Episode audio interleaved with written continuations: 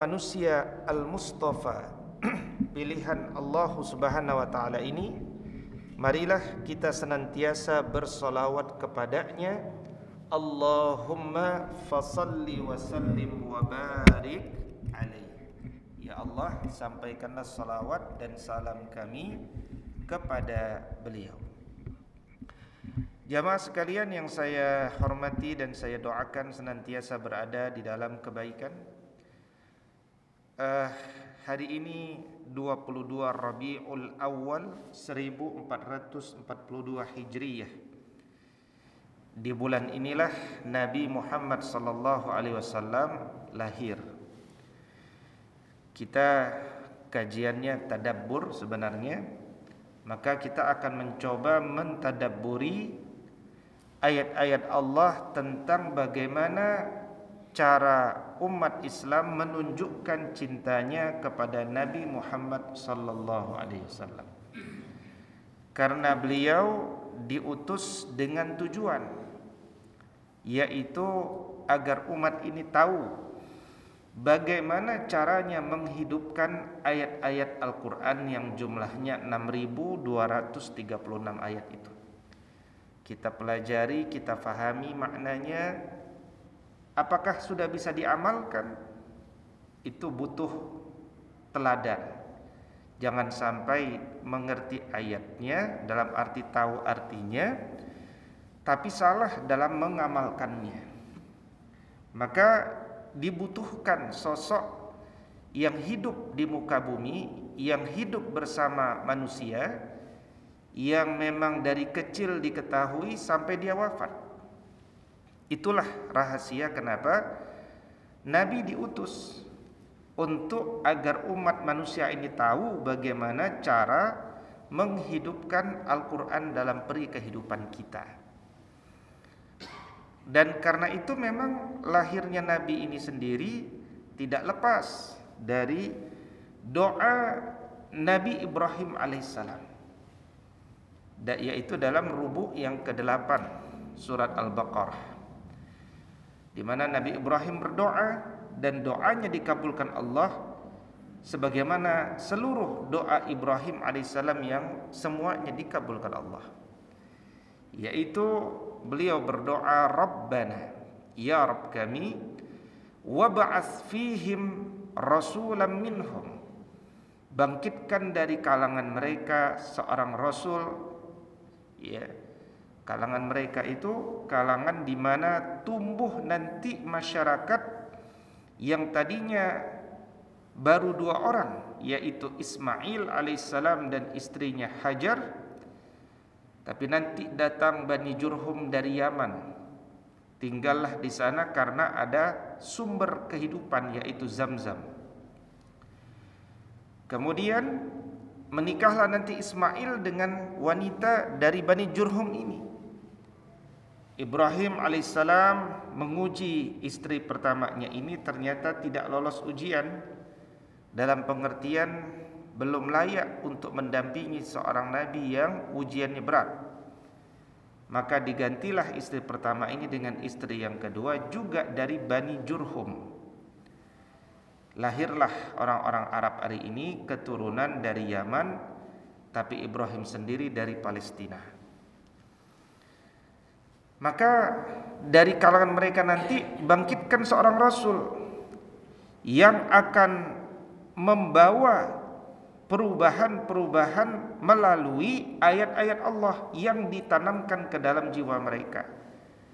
Nabi itu nanti ya Allah yatlu alaihim ayatika membacakan kepadamu eh, membacakan kepada mereka ayat-ayatmu jadi orang Arab itu dulu pintar bersyair. Kalau kita dakwah kepada orang Arab pakai bahasa yang biasa-biasa saja, itu kadang-kadang bukan kadang-kadang sudah pasti tidak dipandang. Ini kurang bernas gitu kira-kira kalimatnya.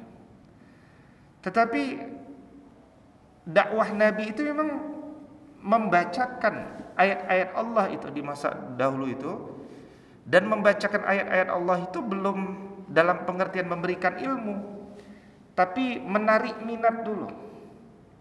Makanya ketika Nabi membacakan ayat-ayat itu ada orang-orang yang terdiam mendengarkan bahkan ada yang kemudian ketagihan.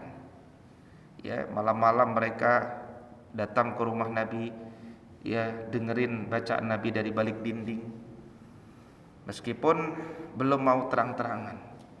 Tapi tidak sedikit di kalangan para sahabat yang setelah dibacakan ayat-ayat Allah itu langsung menemukan kebenaran.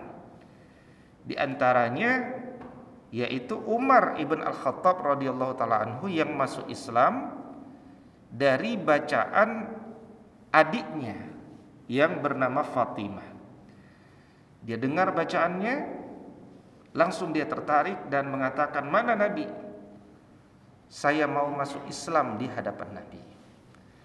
Itu namanya hidayah dari Allah Subhanahu wa taala melalui penghayatan pada ayat-ayat Allah yang dia fahami. Nah, kalau orang itu sudah tertarik, baru tugas Nabi sebagaimana doa Nabi Ibrahim tadi adalah wa yu'allimuhumul kitaba wal hikmata wa yuzakkihim. Dia kemudian mengajarkan ilmu dari kitab dan hikmah ini wa yuzakkihim tapi tidak lupa seperti biasa sebelum menanamkan ilmu maka orang yang sudah tertarik belajar agama itu disiapkan dulu jiwanya supaya ilmu itu bersemi dalam jiwanya. Berapa banyak orang yang belajar agama tapi agama itu cuman ada di pengetahuannya saja. Tidak masuk ke dalam kerongkongannya. Kenapa? Karena jiwanya belum siap untuk menuntut ilmu. Karena itu untuk membuat jiwa bersemi adalah dengan menghidupkan adab-adab menuntut ilmu. Karenanya Yusuf bin Al-Husain mengatakan bil adabi tafhamul ilm dengan adab maka engkau akan mudah memahami ilmu. Innaka antal azizul hakim. Sesungguhnya engkau maha perkasa lagi maha bijaksana. Itu doa Nabi Ibrahim. Ya Yang kemudian dikabulkan Allah 42 generasi setelahnya. Ternyata doa itu dikabulkan langsung dari nasabnya Bukan dari Ishak Tapi dari Ismail Alaihissalam maka lahirlah Nabi Muhammad sallallahu alaihi wasallam itu pada tanggal 10 Rabiul Awal tahun 53 sebelum Hijriah. Dan kalau di kalender Masehi itu se sejajar dengan 20 April 571 Masehi dengan nasab Muhammad bin Abdullah bin Abdul Muttalib bin Hashim bin Abdi Manaf bin Qusay bin Kilab bin Murrah bin Ka'ab bin Lu'ay bin Ghalib bin Fihr bin Malik bin An-Nadar bin Kinanah bin Khuzaimah bin Mudrikah bin Ilyas bin Mudar bin Nazar bin Ma'ad ay Mu'iddu bin Adnan sallallahu alaihi wasallam. Maka rentang-rentang kehidupan Nabi wabil khusus sejak dia lahir umur 2 tahun, 4 tahun, 6 tahun, 8 tahun, 12 tahun, 15 tahun, 20 tahun, 25 tahun, 35 tahun, 40 tahun, 53 tahun sampai nanti wafat di umur 63 tahun ya memiliki pelajaran-pelajaran besar yang semuanya itu dihadirkan untuk memberikan perspektif yang lengkap bagi umat sepanjang zaman hingga yaumul qiyamah nanti Bagaimana cara menghidupkan Al-Quran itu? Nah karena itu apa saja adab yang seharusnya kita tegakkan kepada Nabi Muhammad sallallahu alaihi wasallam kalau melihat dari ayat-ayat Allah. Yang pertama adab kita kepada Nabi adalah senantiasa mengutamakan Rasulullah sallallahu alaihi wasallam dan keluarganya daripada dirinya sendiri. Jadi kalau kita lihat orang-orang di sekitar Nabi dulu ya, mereka bahkan rela mengorbankan jiwa dan raga mereka untuk keselamatan Nabi. Ya, dalam perang Hunain misalkan ya banyak kaum muslimin sudah lari ke sana kemari tapi ada orang-orang sahabat-sahabat yang sejak awal belajar dengan Nabi itu dialah yang sedikit itu berada di sekitaran Nabi menjaga Nabi. Begitu juga pada perang Uhud ya. Ya Nabi uh, berdarah ya kepalanya berdarah giginya patah.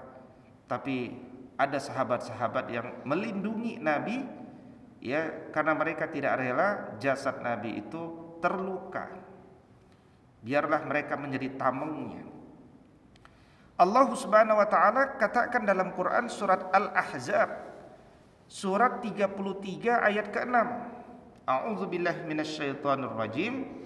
An-nabi aula bil mu'minina min anfusihim wa azwajuhu ummahatuhum.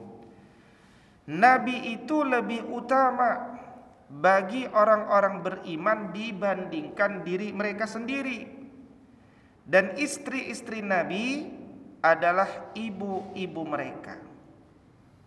Ini adalah satu konsep yang penting bahwa istri Nabi itu adalah ummahatul mukminin. Dia adalah ibu-ibu kaum beriman. Ya. Artinya apa? Bagaimana penghormatan anak kepada ibu itulah yang harus menjadi cara berpikir. Dan konsep ini yang dipegang oleh para sahabat Nabi ya. Misalkan dulu ada di masa Ali bin Abi Thalib memimpin ada 6000 orang khawarij ya, keluar dari agama keluar dari cara pandang beragama yang benar ingin memusuhi kepemimpinan Ali bin Abi Thalib 6000 orang tidak tanggung-tanggung. Maka ya terjadilah berhadap-hadapan antara pasukan kekhalifahan Ali bin Abi Thalib dengan 6000 kaum muslimin ini juga. Maka datanglah Abdullah ibn Abbas seorang bahrul ulum lautan ilmu ini. Dia bilang kepada Ali ya Ali tunggu dulu. Jangan mulai peperangan dulu. Biar saya hadapi dulu secara kata-kata kepada orang khawarij ini. Apa sebenarnya alasan mereka ingin memerangi kita? Uh, jangan nanti engkau bahaya kata Ali. Enggak. Insya Allah beliau eh mereka masih menghormati aku karena Abdullah ibn Abbas ini masih keturunan pamannya Nabi.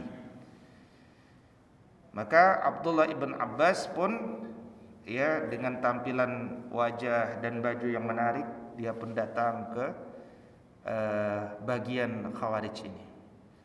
Sebagian acu tak acu, sebagian mengatakan, "Kenapa engkau datang ke sini?" Kata Abdullah bin Abbas, "Saya mau tahu kenapa kalian itu uh, apa namanya? Uh, ingin memerangi ingin memerangi khalifah yang sah. Uh, apa namanya? Dan oh iya, kami punya tiga alasan kata beliau.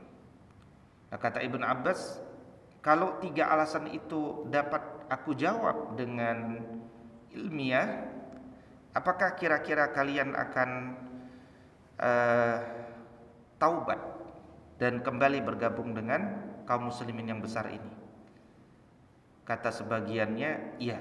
Kalau jawabanmu masuk dalam jiwa kami, kami akan uh, bertaubat.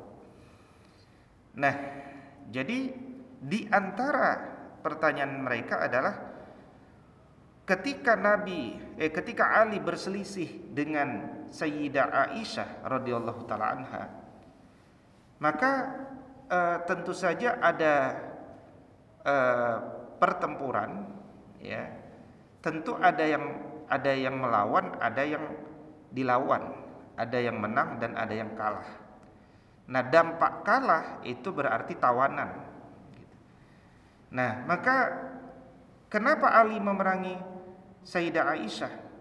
Kalau kemudian apa namanya kalau seandainya dia itu musuh maka hadapi secara musuh. Berarti kalau dia tertawan, maka dia jadi tawanan. Yang namanya tawanan itu bisa jadi budak gitu. Di masa dulu itu. Nah, itu di antaranya. Nah, kaitan sama ayat ini.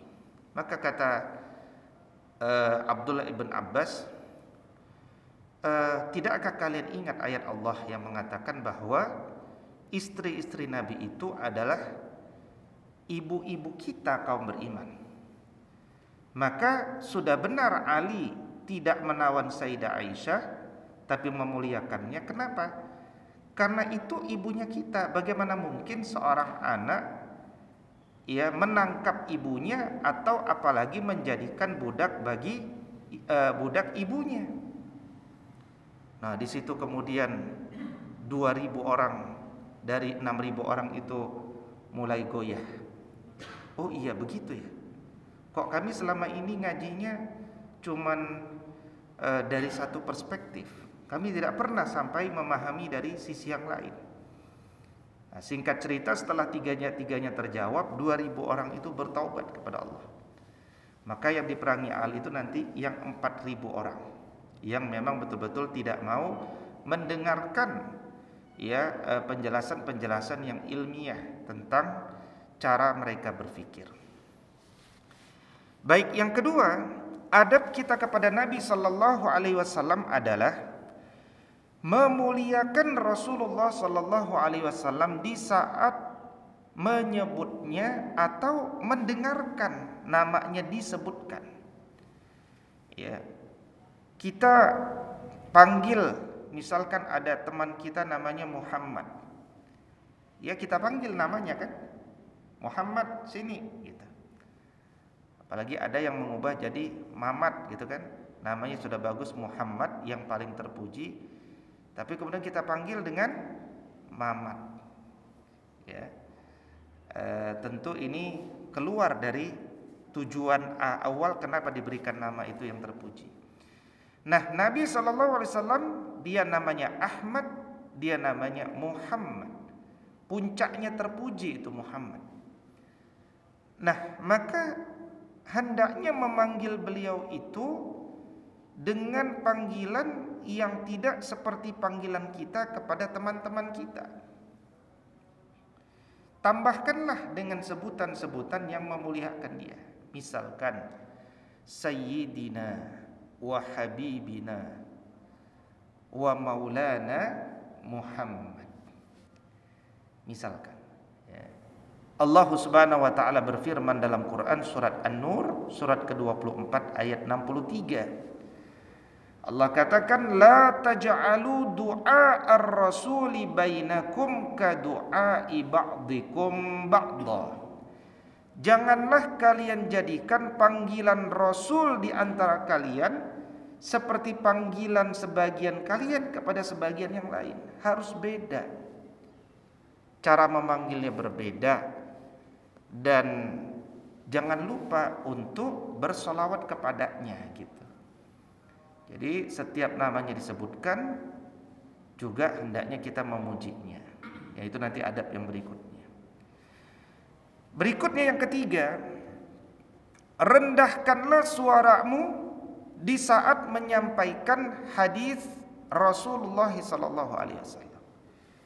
Ya, sebenarnya adabnya bukan begini. Sebenarnya adalah adabnya ketika Nabi berbicara, ad, Nabi ada di depan kita, maka rendahkan suara kita saat kita berbicara kepadanya. Gitu. Dalilnya Quran surat Al-Hujurat surat 49 ayat ke-12. La tarfa'u aswatakum fawqa sautin nabi Kata Allah, janganlah kalian tingkatkan intonasinya, tinggikan suaramu di atas suara Nabi. Ya. Jadi kita punya adab sampai pada kedisiplinan mengukur apa namanya ketinggian intonasi suara. Ini sejalan dengan nasihat Luqman dalam Quran surat Luqman ayat 31 eh, surat 31 ayat 13 hingga 19. Nasihat kepada anaknya jangan engkau bicara kepada manusia secara umum dengan perbincangan yang bahasanya tinggi seperti suara keledai. Gitu ya. Jadi kepada manusia secara umum saja Luqman mengatakan kaum muslimin itu kalau bicara beda, dia lembut, terarah, rapi, terstruktur. Ya, jangan sampai kemudian kata-kata kita membuat kita banyak menyesal dan tidak disukai oleh orang lain. Nah, apalagi kepada nabi. Nah, sekarang nabi tidak ada. Maka hendaknya setiap kita mendengar disebutkan bahwa nabi bersabda. Nah, itu hadirkanlah perasaan bahwa seakan-akan nabi ada di hadapan kita. Siapkanlah jiwa kita, nabi itu akan memberikan materi apa Bahkan satu tradisi suluk di Turki Utsmani bahkan mulai dari Bani Seljuk dulu sampai kemudian ketika dilanjutkan dengan Turki Utsmani karena Bani Seljuk dikalahkan oleh bangsa Mongol itu di antara tradisinya adalah kalau ada yang menyebutkan Nabi Shallallahu Alaihi Wasallam bersabda langsung tangannya ke dada gitu ya semuanya jadi semua bersabda. Jadi seakan-akan ingin mengambil ya apa eh, apa pelajaran apa? Pelajaran besar dari Nabi itu menghormati, memuliakan. Jadi hening ya ruangan itu untuk mendengarkan. Jadi khusus spesial. Gitu. Jadi ketika kita menyampaikan Nabi bersabda itu khusus spesial. Ya, jangan sampai kemudian nanti orang itu terbiasa eh, menganggap sama saja sabda Nabi dengan pepatah misalkan dengan syair dengan peribahasa ya tentu berbeda sifatnya ya e, berikutnya yang keempat adab kita kepada nabi taatilah seluruh pesannya. Jagalah seluruh larangannya. Teladanilah seluruh peri kehidupan Rasulullah sallallahu alaihi wasallam yang mulia. Jadi menarik sekali nabi ini adalah sosok yang terbaik dalam berbagai perspektif. Sebagai anak, sebagai suami, sebagai ayah, sebagai kakek, sebagai sahabat, sebagai pemimpin militer, sebagai pemimpin negara, sebagai pemimpin bangsa. Itu dalam aspek-aspek yang disebutkan semua manusia bisa berkaca pada beliau karena kana khuluquhu Al-Qur'an. Akhlak beliau itu Al-Qur'an.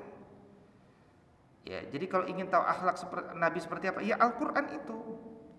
Berarti orang kalau baca Quran ya harus menjadi akhlaknya gitu. Al-Qur'an mengkaji pelajaran-pelajaran iman iya, ibadah iya, tapi juga akhlak. Ya. Makanya Nabi disebutkan innama bu'istu li utammima makarimal akhlak. Aku itu diutus untuk menyempurnakan akhlak manusia. Semakin lama orang belajar iman, akidah, tauhid, seharusnya dia menjadi semakin berakhlak dan beradab, bukan sebaliknya semakin tidak beradab dan tidak berakhlak. Kata Nabi, akmalul mu'minina imanan ahsanuhum khuluqa. Sempurnanya iman kalian di indikatornya adalah semakin bagus akhlaknya. Jadi orientasi pada kebagusan akhlak gitu. Ya. Karena itu dalam Quran surat Al-Ahzab surat 33 ayat ke-21 Allah katakan Laqad kana lakum fi Rasulillahi uswatun hasanah liman kana yarjullaha wal yawmal akhir wa zakarallaha katsira sungguh telah ada pada pribadi Nabi sallallahu alaihi wasallam suri tauladan yang baik. Siapa yang merindukan dirinya untuk dicontoh suri tauladannya? Ya pastinya kata Allah adalah orang-orang yang selalu berharap rindu ketemu dengan Allah dan dia betul-betul banyak berzikir kepada Allah. Orang inilah yang biasanya selalu ingin meneladani Rasulullah sallallahu alaihi wasallam yang kelima, adab kita kepada Nabi sallallahu alaihi wasallam adalah memperbanyak solawat kepada beliau. Allahumma salli wa sallim wa barik alaihi sallallahu alaihi dan bentuk-bentuk yang lain. Kata Nabi sallallahu alaihi wasallam, "Aktsirus salata alayya yaumal jumu'ati wa lailatal jumu'ah." Semakin perbanyaklah kalian bersolawat kepadaku di hari Jumat atau di malam Jumat. Al-Imam Asy-Syafi'i, Idris bin Muhammad Asy-Syafi'i. Beliau mengatakan, "Aku suka bersolawat kepada Nabi." dan semakin aku senang bersalawat kepadanya pada hari Jumat dan atau di malam Jumat. Nah, ini tentu karena Imam Syafi'i mengenal hadis ini. Dan orang yang ketika disebutkan nama Nabi tidak mau bersalawat kepadanya, maka Nabi dulu pernah ceramah seperti ini, tiba-tiba tidak nyambung dengan ceramahnya, mengaminkan tiga kali. Amin. Ternyata malaikat Jibril datang tanpa dilihat oleh jamaah yang lainnya, sahabat yang lainnya menanyakan tiga perkara. Perkara yang pertama, sungguh celaka orang yang datang bulan Ramadan, umurnya dipertemukan dengan bulan Ramadan. Ini kita enam bulan lagi datang bulan Ramadan persis. Tapi Ramadan itu tidak membuat dirinya mudah masuk ke surganya Allah. Rugi orang itu. Amin kata Nabi. Yang kedua sungguh celaka orang yang masih sempat hidup bersama kedua orang tuanya atau salah satu dari kedua orang tuanya meskipun beda provinsi, beda negara, beda pulau. Keberadaannya itu tidak dimaksimalkan untuk mendapatkan kebaikan berupa dimudahkan masuk ke surganya Allah. Misalkan dengan memperbanyak video call dengan keluarga kita ya memperbanyak tanya kabarnya bertanya apa keinginannya apa yang membuat dia ridho semuanya ya karena nanti akan ada masa kita menyesal karena orang tua kita sudah tidak ada lagi maka tidak ada lagi jalan untuk bukan tidak ada lagi tertutup satu jalan yang besar yang dapat memasukkan kita ke surganya Allah. Nah orang itu celaka kata Nabi yang ketiga sungguh celaka raghima anfu rajulin zukirtu indahu falam yusalli alayya. Sungguh celaka orang yang disebut namaku di sisinya namun dia tidak bersalawat kepadaku. Ah, itu rugi. Meskipun kita lagi jalan ada yang mengatakan ya mungkin ceramah, mungkin ada orang bicara, Nabi Muhammad misal ke kedengaran Nah kita terdengar di telinga kita Maka usapkan.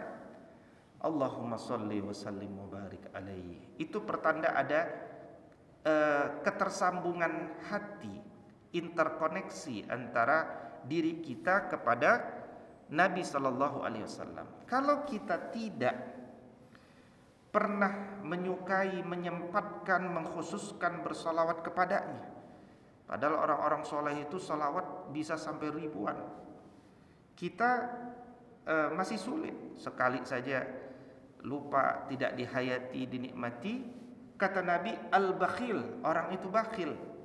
Ya, bakhil itu bukan saja tidak mau sedekah gitu ya nggak mau bersolawat.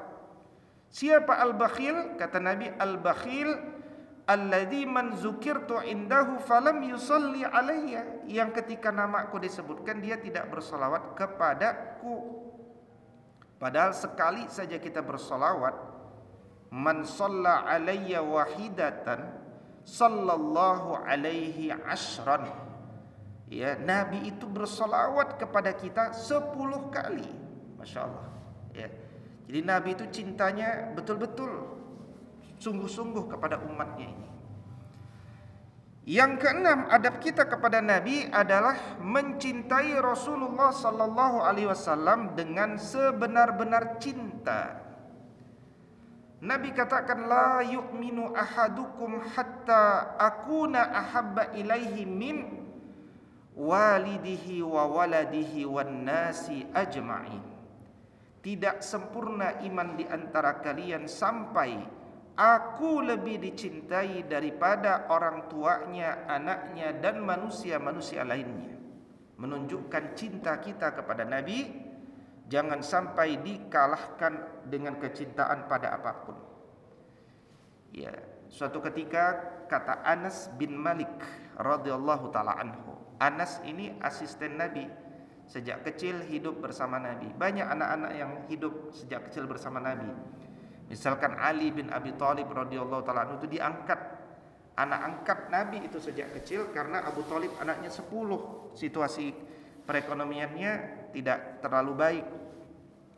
Ada Zaid bin Haritsah ya maula Nabi ya yang hadiah daripada Khadijah. Dan ada Anas bin Malik ya. Anas bin Malik ini dari kecil sudah bersama Nabi tahu betul bagaimana Nabi memperlakukan anak-anak kecil yang ada di sekitarnya. Nah suatu ketika ada seorang laki-laki bertanya datang kepada Nabi kata Anas dan aku ada di situ. Dia bertanya kepada Nabi, "Ya Rasulullah, mata sa'ah?"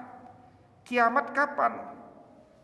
Ya, jadi tiba-tiba datang, ya, kiamat kapan? Kata Nabi, "Ma'adatta laha kamu nanya-nanya kiamat kenapa? Engkau sudah persiapan apa memangnya kalau datang kiamat? Kira-kira gitu bahasa kita. Kata orang tersebut, ma'adattu laha min kasirin min kasiri salatin wala saumin wala sadaqatin. Aku sih belum persiapan apa-apa ya Rasulullah. Salatku biasa-biasa saja, sodakohku biasa-biasa saja, puasaku biasa-biasa saja. Walakinni Uhibbullah wa rasulahu. Tapi memang aku agak spesial. Aku betul-betul cinta kepada Allah dan betul-betul cinta kepada Rasulullah sallallahu alaihi wasallam. Nah kata Nabi, anta ma'a man ahbabta. Engkau itu akan bersama orang yang engkau cintai.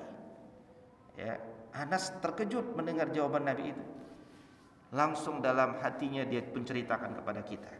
Berkata Anas, "Fama farihna ba'dal Islam farahan. Asyadda ya eh, asyadda min hadza ya. Belum pernah saya merasa gembira seperti gembiraku hari ini. Ya kenapa? Ternyata orang itu bersama orang yang dia cintai. Belum pernah aku merasakan sebahagia ini maka kata Anas bin Malik radhiyallahu taala anhu, sungguh aku cinta kepada Allah, kepada Rasulullah, kepada Abu Bakar, kepada Umar dan aku rindu dapat membersamai mereka meskipun amalku tidak sebanyak amal mereka. Karena Nabi mengatakan innaka ma'a man ahbabta. Sesungguhnya engkau bersama orang yang engkau cintai. Nah, ini adalah keutamaan ya Bapak Ibu. Keutamaan ketika kita mencintai Nabi Shallallahu Alaihi Wasallam. Berikutnya yang ketujuh adalah hendaknya seorang Muslim itu membela ya. Yang ketujuh yaitu hendaknya seorang Muslim itu membela kehormatan Rasulullah sallallahu alaihi wasallam dari hinaan musuh-musuhnya ya dari hinaan musuh-musuhnya. Jadi memang Allah tegaskan di dalam Quran surat Al-An'am surat ke-6 ayat 112. Wa kadzalika ja'alna likulli nabiyyin aduwan syayatinal insi wal jin. Demikianlah kami Allah telah menetapkan bahwa setiap nabi itu pasti ada musuhnya baik dari kalangan syaitan maupun eh, baik eh, yaitu dari kalangan syaitan baik dari kalangan manusia maupun dari kalangan jin. Dan Nabi sendiri pernah mengatakan ketika ditanya ya Rasulullah ayun nasi asyaddu bala? Siapa manusia yang paling berat ujiannya? Kata Nabi al-anbiya para nabi. Summal amsal fal amsal. Kemudian orang-orang soleh yang dekat dengan nabi. Para wali Allah para pengikut Rasul sallallahu alaihi wasallam. Makanya orang yang mengikuti Rasul sallallahu alaihi wasallam dia harus juga mempersiapkan jiwanya untuk mendapatkan ujian. Ya ujian-ujian yang berat ketika beragama ini Bahkan kata Nabi sallallahu alaihi wasallam ya eh, bada al-Islam ghariban wa sayaudu ghariban kama bada'a. Islam dulu asing dan nanti akan ada masa orang berislam itu asing lagi. Nanti akan ada masa dalam riwayat yang lain orang itu berpe, memegang berislam seperti memegang bara api di tangannya. Artinya apa? Orang itu berislam gak nyaman. Makanya berbahagialah kita ketika kita hari ini berislam damai, berislam tenang, maksimalkan. Tapi juga harus terus waspada, siap-siap kalau situasi terus berubah, tiba-tiba berubah. Suriah misalkan damai seperti ini, tapi tiba-tiba ada skenario asing diciptakan ISIS porak-poranda. Ya, warisan kebudayaan uh, Umayyah saya kira sudah banyak yang hilang hari ini. Ya, setelah warisan Abbasiyah di Irak, Baghdad pun sudah banyak dihancurkan. Ya, jadi waspada itu tetap kita siap-siap punya semangat, siap-siap berjihad kapan pun. Tapi ketika situasi damai maksimalkan. Ya, makanya saya sering ingatkan kepada para wanita ya yang masih belum berkenan pakai jilbab. Saya sering sampaikan berjilbab berjilbab berjilbablah wahai wanita sebelum jilbab itu dilarang di negerimu. Ada negeri-negeri muslim yang jilbab itu dilarang. Ya, di Indonesia pun dulu juga pernah dilarang, bahkan yang melarang menteri agama langsung. Tapi sekarang boleh. Maka berlomba-lomba kita menikmati kedamaian ini. Baik ala kulli hal walhamdulillah Demikianlah uh, tujuh adab kita kepada Nabi Sallallahu Alaihi Wasallam. Itu sudah azan. Ya, baik kita sama-sama berdoa kepada Allah. Mudah-mudahan Allah Subhanahu Wa Taala mudahkan kita untuk beramal dengan amal yang dengan amal itu kita mampu duduk dekat dengan Nabi Sallallahu Alaihi Wasallam, mampu memandang wajahnya, man, mampu memeluk tubuhnya dan mampu ia uh, bersama beliau dan inilah di antara kebahagiaan kaum muslimin yang didambakan. Aku lu qauli hadza wa astaghfirullah li wa lakum. Kita tutup dengan doa kafaratul majlis. Subhanakallahumma wa bihamdika asyhadu an la ilaha illa anta nastaghfiruka wa natubu ilaik. Al-afu minkum. Assalamu alaikum warahmatullahi wabarakatuh wabarakatuh.